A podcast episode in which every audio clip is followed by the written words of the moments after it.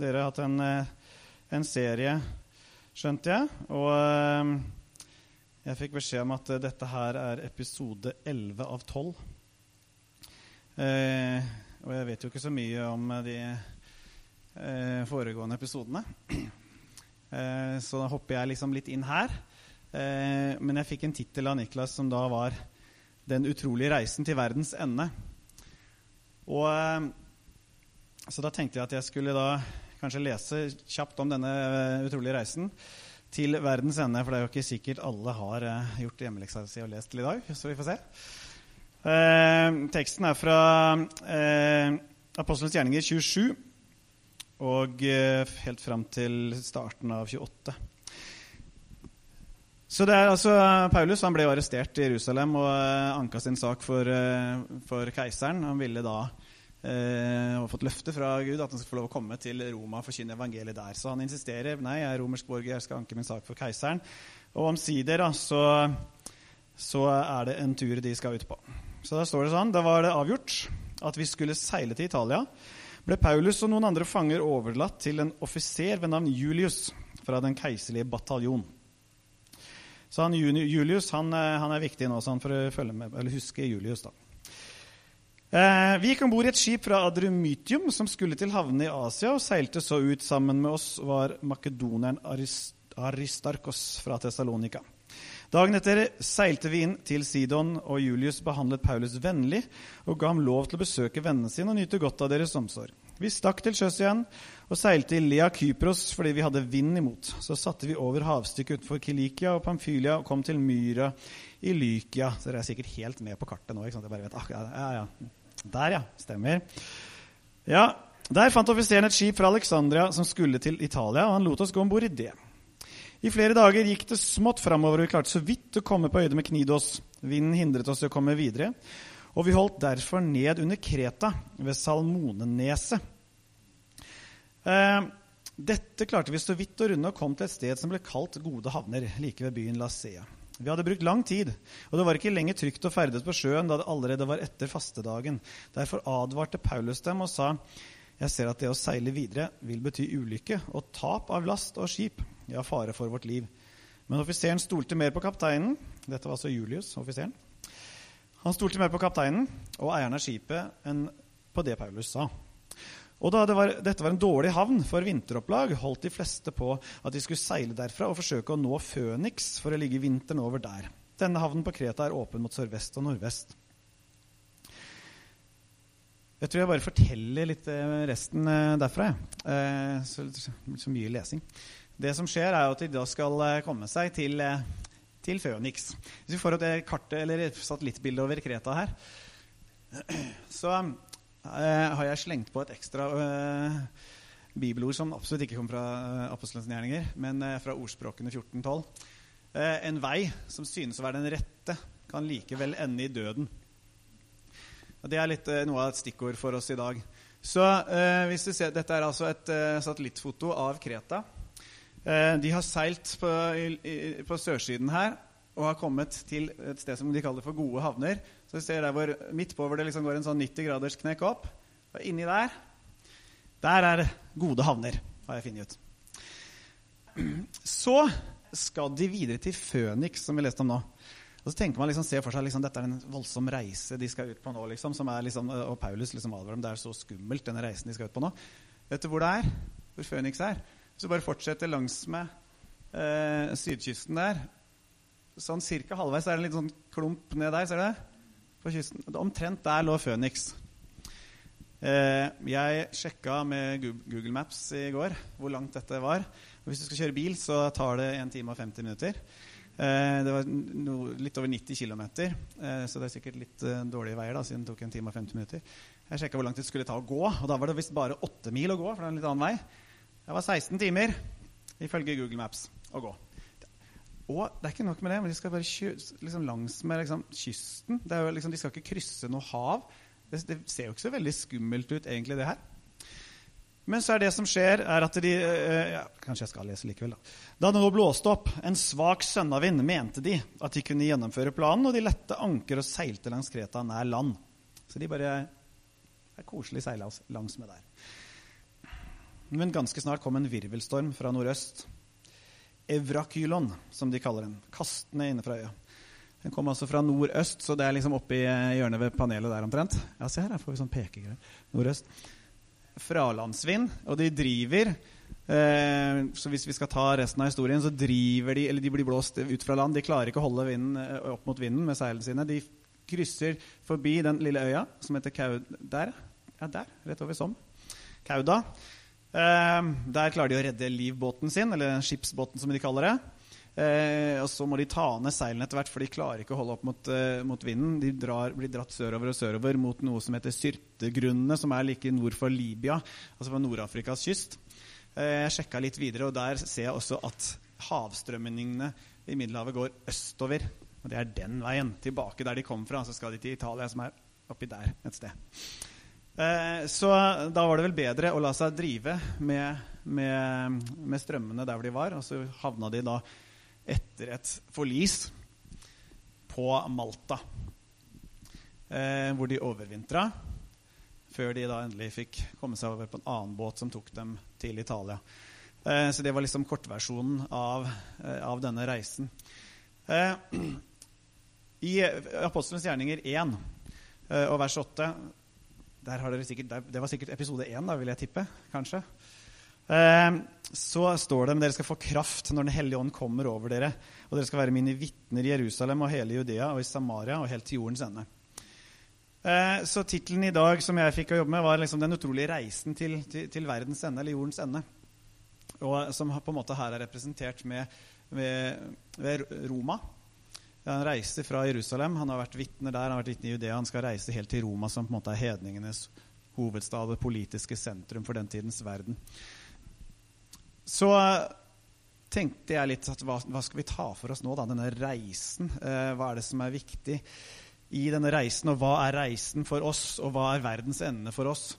Eh, ofte tenker vi sånn at Judea det er øyer, kanskje, ikke sant, for dere? Nei, Jerusalem mener jeg. Øyer. Også Judea, det er Samaria, liksom, det er Lillehammer. og uh, Oppe i Gudbrandsdalen og liksom, kanskje Innland fylke, som det, vi blir snart samfylkinger. vi. Eh, og verdens ende det er liksom langt av gårde. Men det kan hende at verdens ende er, er litt her òg.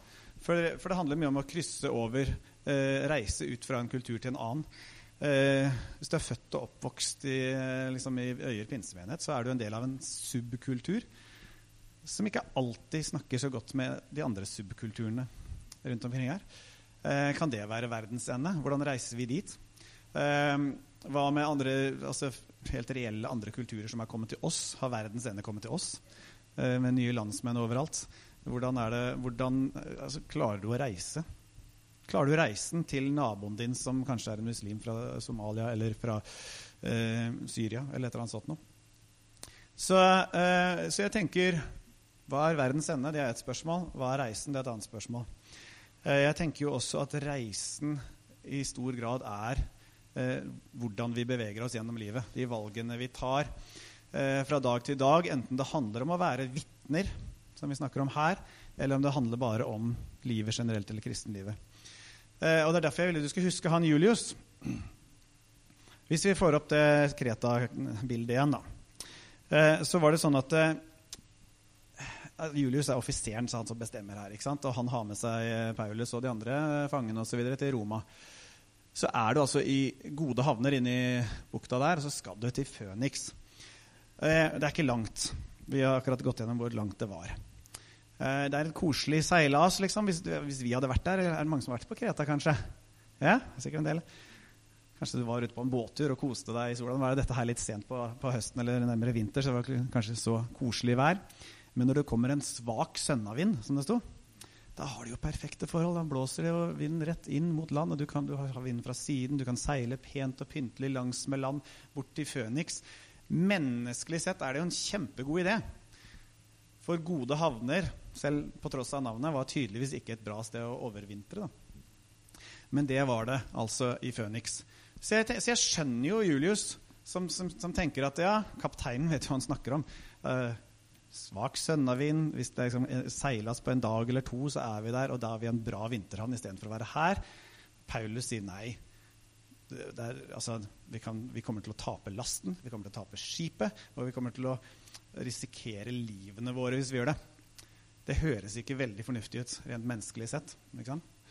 Så, så, på tross av at han respekterer Paulus, og, og, og, og sånn, så, så, tenker han nei, dette her Vi stoler på kapteinen. Eh, da skal jeg ta dere over til en personlig liten reise. Eh, den, var, den var ikke så lang. Den var på en halvannen time. Like lang tid som det tar å kjøre bil fra gode havner til Phoenix. Men vi skal på en flytur. Eh, der har vi et fly. Er det noen piloter her i dag?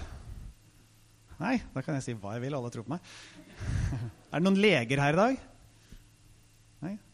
Så bra. Da kan jeg si hva jeg vil om det òg. Nei da. Dette er nøye sjekka, altså. Dette flyet her eh, er det gamle flyet til broren min, som heter Jarle. Han var eh, misjonær i Honduras i 14 år eh, og bodde i et lite sted i jungelen som heter Awas. Som ligger da midt ute i altså, et område som heter La Mosquitia, som er det største regnskogsområdet i Amerika, bortsett fra, bortsett fra Amazonas. Eh, ligger en og en halv time flytur fra en si, ordentlig by som heter La Ceiba. Eh, mellom der er det fjell, og så er det jungel, og så er det bare noen små landsbyer her og der. Derfor hadde Jarle et fly.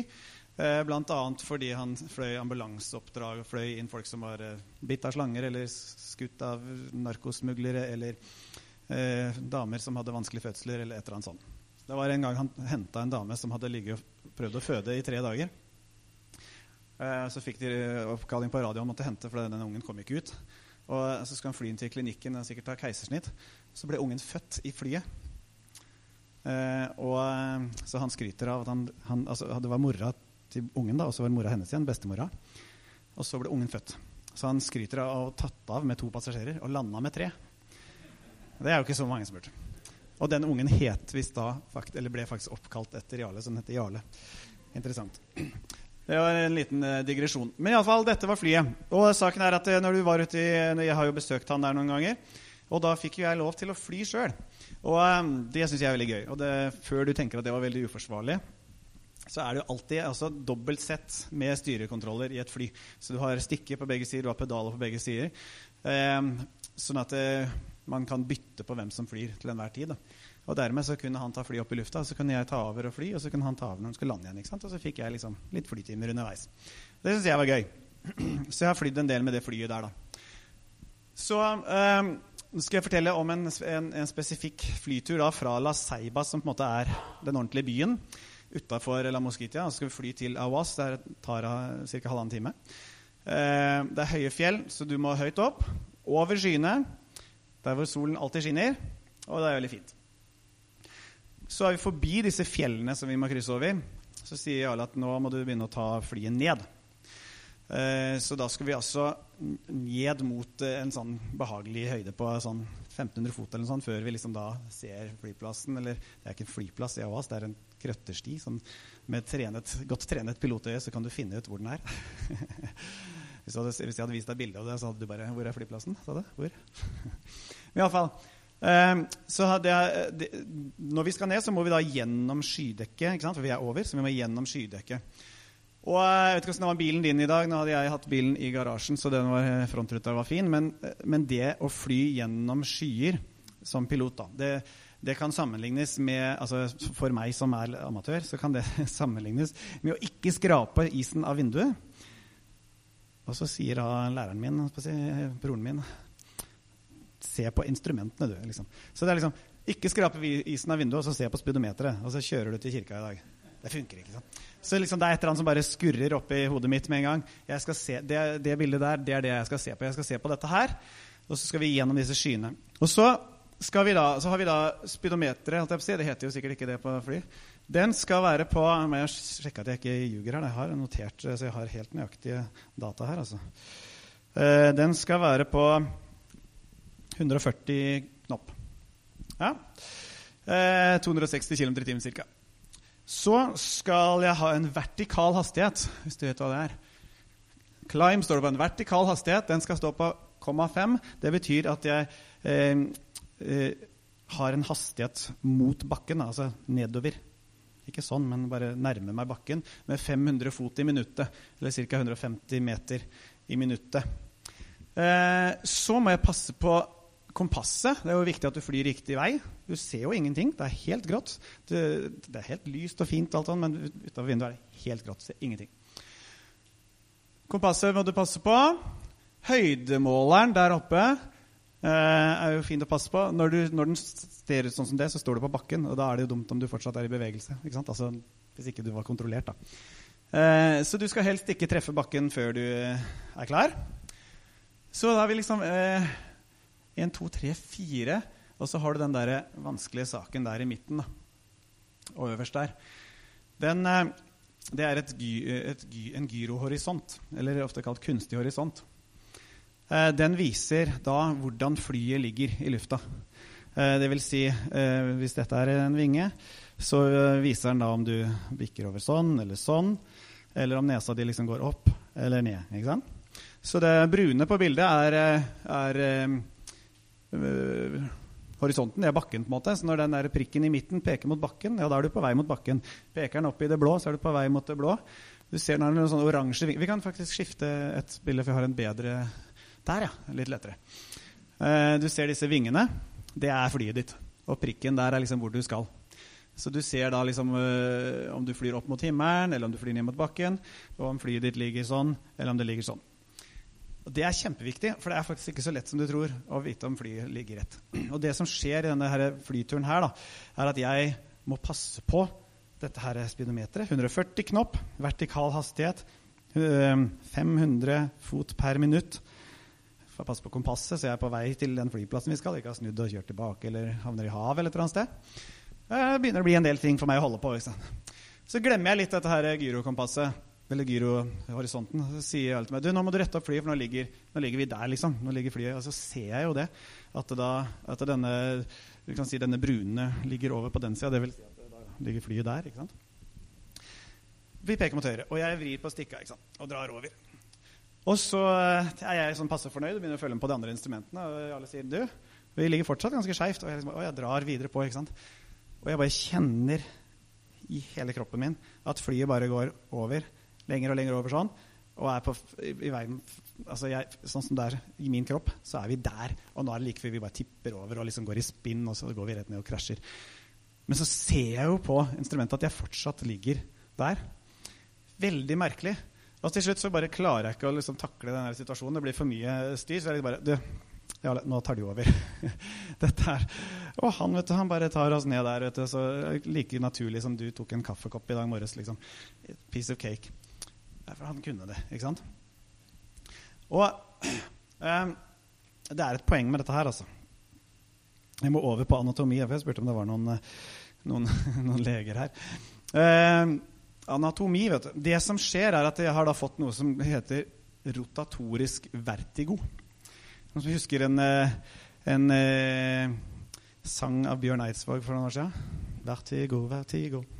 Mayday, mayday. Han vet ikke forskjell på opp og ned. Han tror ikke lenger på det han ser. Ja. Det var meg på den flyturen der. Eh, rotatorisk vertigo det betyr at du da mister, mister balansen, rett og slett. Du, du har ikke peiling på, på, hvordan det er. Alle her har mista balansen en eller annen gang. Eh, balansen består av eh, tre viktige sanser. Det ene er eh, synet ditt. Så det at jeg ser Når jeg flytter på huet her, så ser jeg, jeg ser hva som er opp, og jeg vil se hva som er ned. Selv om jeg flytter på huet. Jeg klarer å liksom resonnere meg fram til alt dette her. Eh, det er noe som heter leddsansen. Eh, blant annet så har du reflekser her, og du har alt dette her som gjør at når du treffer gulvet på litt forskjellige måter, så går det liksom greit. Jeg kan vimse rundt med beina. Eh, men, men jeg, jeg, vet hvordan jeg skal korrigere for å ikke falle.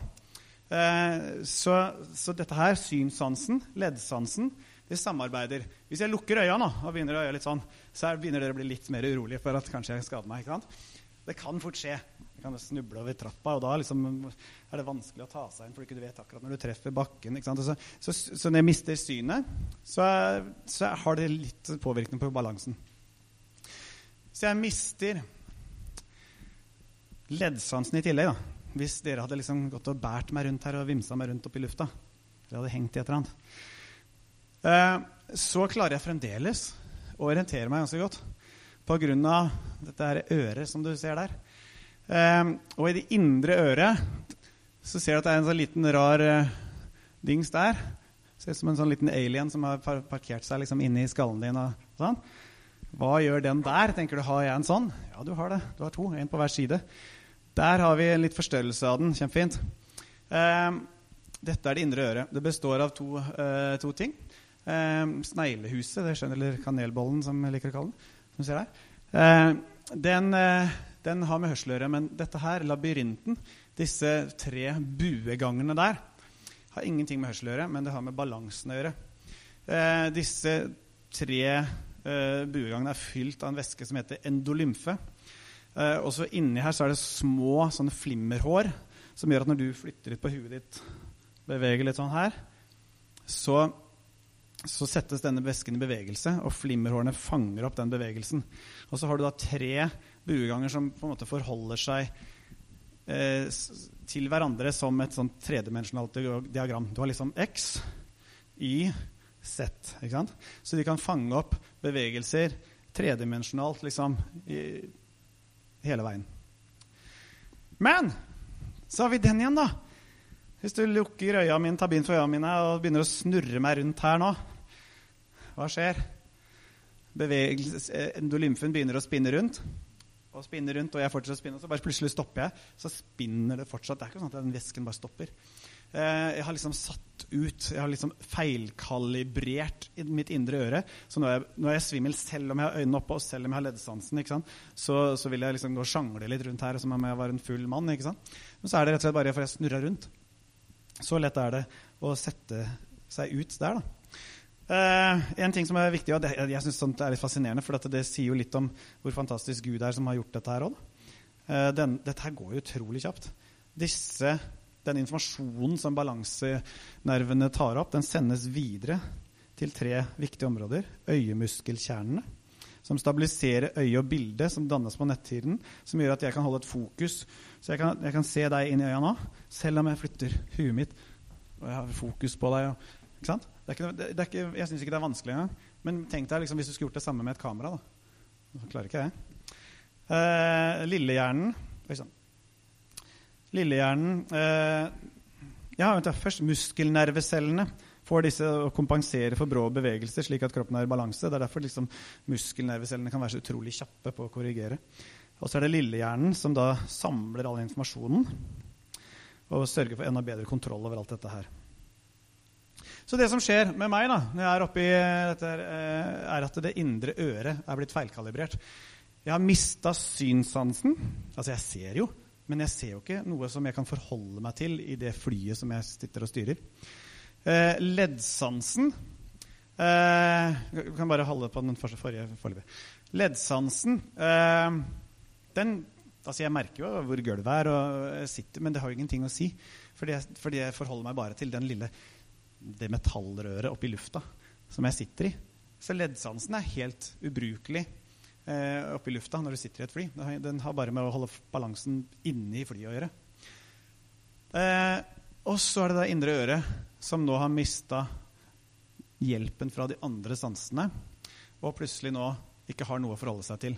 Fordi jeg lå over på der og hadde vent meg til at dette var rett, og så begynner jeg å svinge over der og kjenner bare at det jeg gjør nå, er at jeg tipper over. Eh, så nå har jeg ingenting fornuftig å forholde meg til lenger.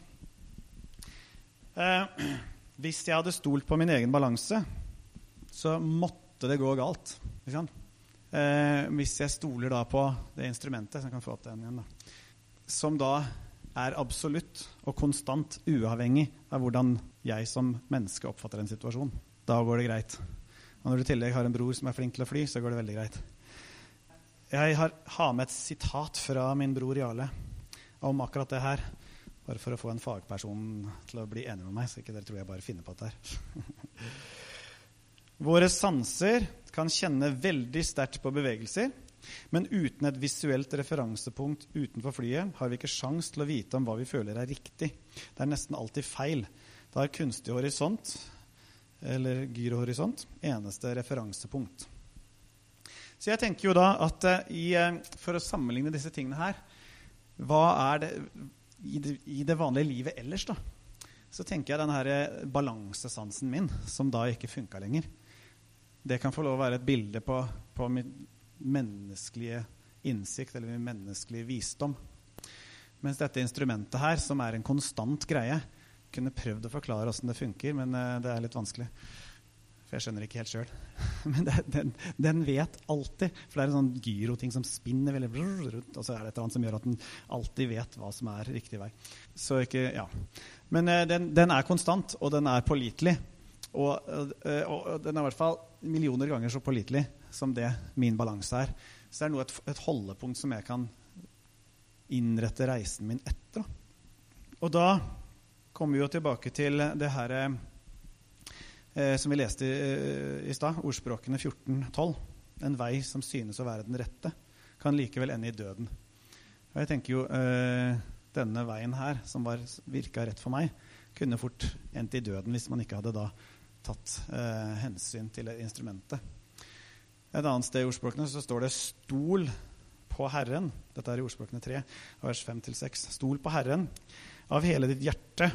Støtt deg ikke til din egen innsikt. Tenk på ham. Hvor du enn ferdes, så gjør han stiene dine jevne.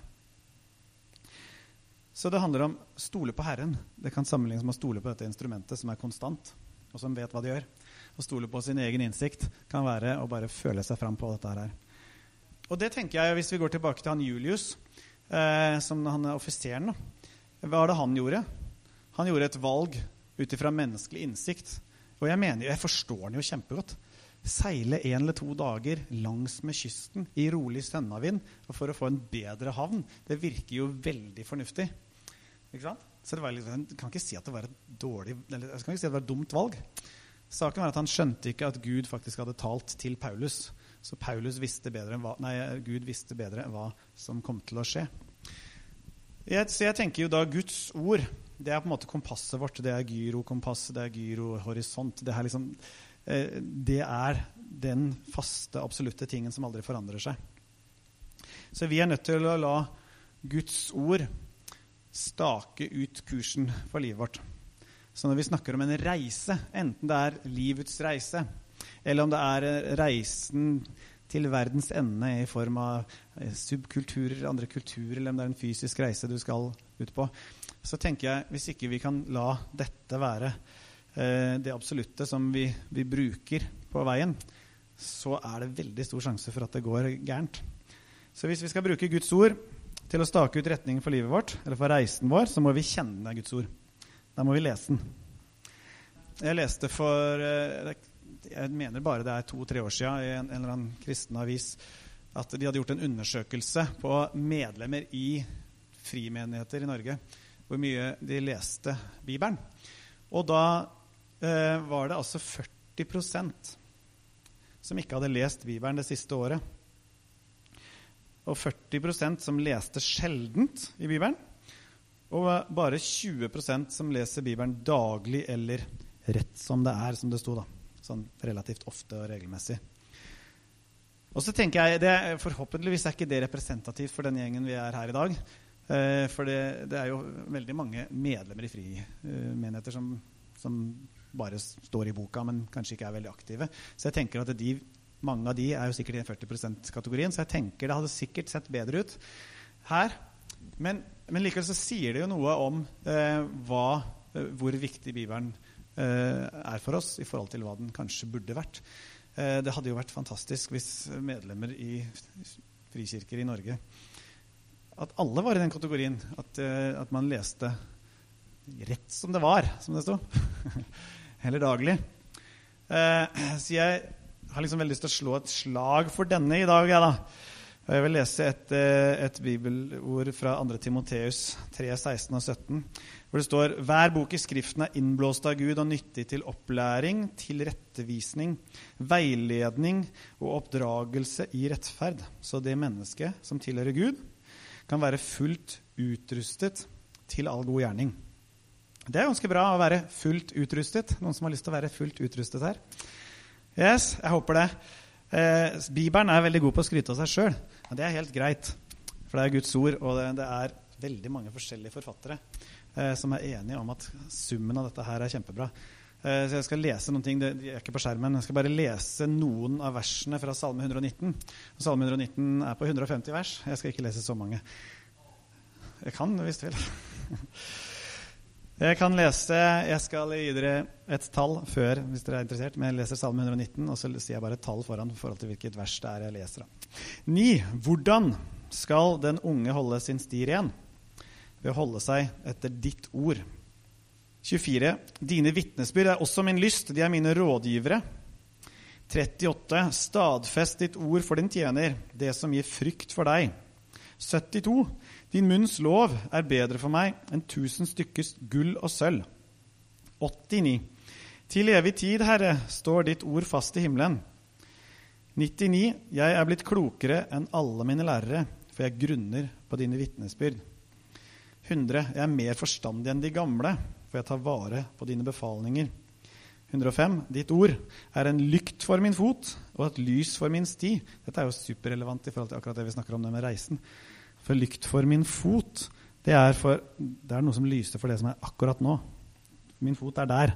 Min fot er der hvor jeg er. Min sti, det er der jeg skal. Så det lyser både her jeg er i dag, og det lyser videre framover for meg. 130. Når dine ord åpner seg, gir de lys, de gir enfoldig forstand. 160. Her er det et lite problem. Jeg sa ikke igjen at det var 150 vers. Så leser jeg fra 160. Noe er feil. Summen av ditt ord er sannhet, og til evig tid står all din rettferdslov fast. Så Hvis vi går tilbake til Julius og, Paulus og Lukas som skriver dette her da, i Apostlenes gjerninger 27 og vers 20 Etter at de har drevet rundt, de har kastet ut lasten sin og liksom skipsutstyr og det ene og det andre som de må bare kvitte seg med, så sier de, eller så sier Lukas Til slutt mistet vi alt håp om redning. Da var det helt håpløst. Da tenker de bare ja, dette var det. Vi eh, fulgte vår egen menneskelige visdom istedenfor å følge Guds visdom. Og nå er det ferdig med oss. Men så ble det jo ikke sånn, da. De overlevde jo. Eh, ganske dramatisk. De gikk på grunn. Eh, de, de, de fant Malta. Skipet, De prøvde å komme seg inn mot land. De gikk på grunn på en diger sandbanke. Det ble stående fast der, og bølgene slo i stykker skipet, så de måtte bare hoppe ut. De som kunne svømme, hoppa ut og svømte. De som ikke kunne svømme, eh, kara seg fast på et eller annet skipsdel som fløyt, og så kom alle eh, seg levende til land og ble tatt godt vare på av de som bodde på Malta. Eh, sannsynligvis var jo det rett og slett et Guds mirakel eh, at det gikk sånn som det. Så for tredje gang leser vi ordspråkene 14.12.: En vei som synes å være den rette, kan likevel ende i døden. Men den må ikke ende i døden. Eller hva? Den kan likevel ende i døden, men den må ikke det. For det er aldri for seint å skifte kurs. Det er aldri for seint å la Gud eh, styre oss. Det er aldri for seint og begynne f.eks. å få Guds ord til å bli en del av oss og, og forandre hvordan vi tenker, hvordan vi velger, hvordan vi handler osv. Så, videre, og så, videre. så med Gud så er det liksom aldri sånn at alt håp om redning er ute. Det er aldri sånn med Gud. Det er alltid et håp. Alltid en mulighet. Og det har jeg lyst til at skal være en slags avslutning og en oppmuntring eh, på dette. Alle sammen er vi på en eller annen reise Kanskje du tenker på en eller annen spesiell reise du er på, enten det har med livet ditt å gjøre eller valg, eller om det har noe med deg som vitne til Judea og Samaria og verdens ende og alt dette her. Og så har du kanskje ting du tenker på hvor du har gjort gode valg eller dårlige valg eller et eller annet. Hvis du føler at alt håp er ute, så kan jeg i hvert fall si nei. Håpet er ikke ute. Eh, håpet var ikke ute for Paulus og Lukas og Julius og alle de andre. Eh, og håpet er heller aldri ute for deg. Ja. Amen. Jeg har en sang som jeg skal avslutte med. Eh, og den er eh, Den handler litt om eh, en reise, på en måte, den òg. Så det er jo eh, Du får sitte og lytte litt. Det går på norsk, så du skal forstå hva jeg sier. Men du kan jo gjerne tenke deg at det kanskje er Jesus som, som synger denne sangen, på en måte, eller som sier disse ordene. Er åpent for tolkning i teksten.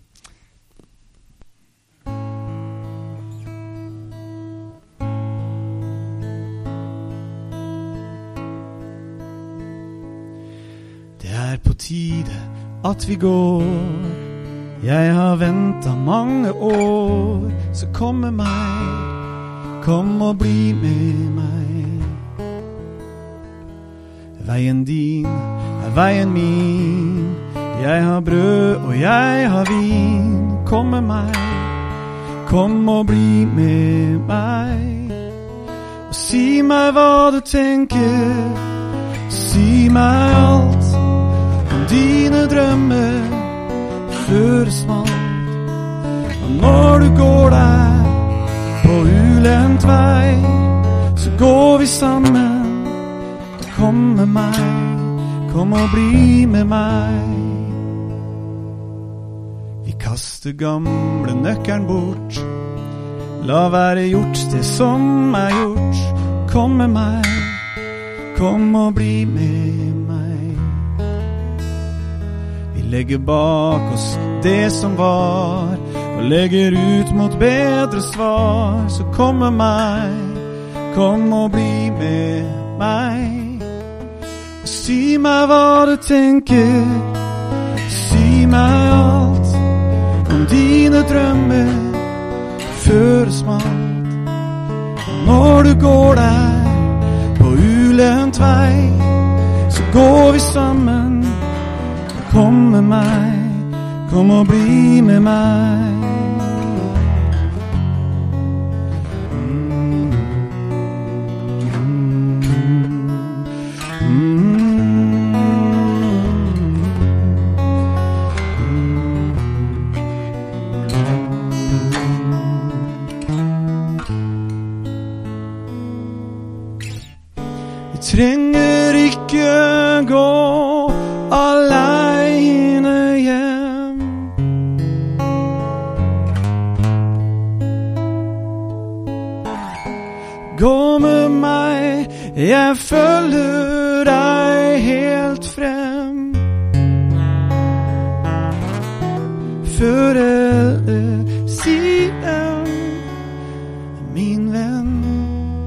Si meg hva du tenker, si meg alt om dine drømmer før det smalt.